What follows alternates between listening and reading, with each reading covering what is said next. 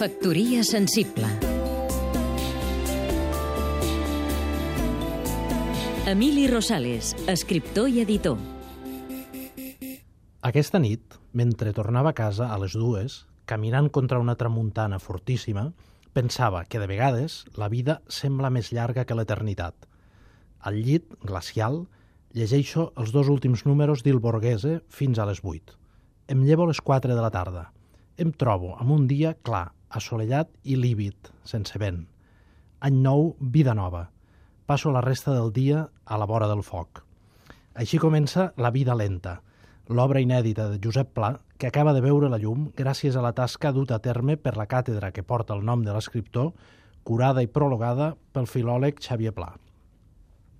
La vida lenta ens recorda a tots els planians quina és l'essència de la seva literatura, que tant ens fascina.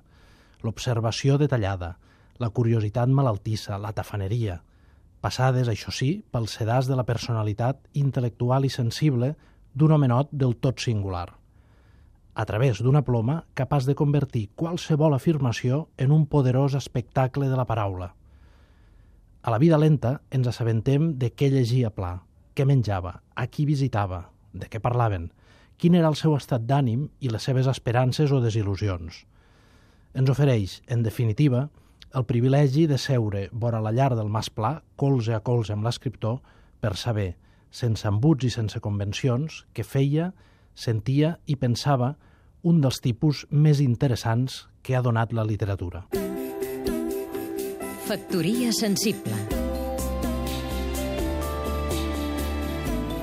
Seguim-nos també a catradio.cat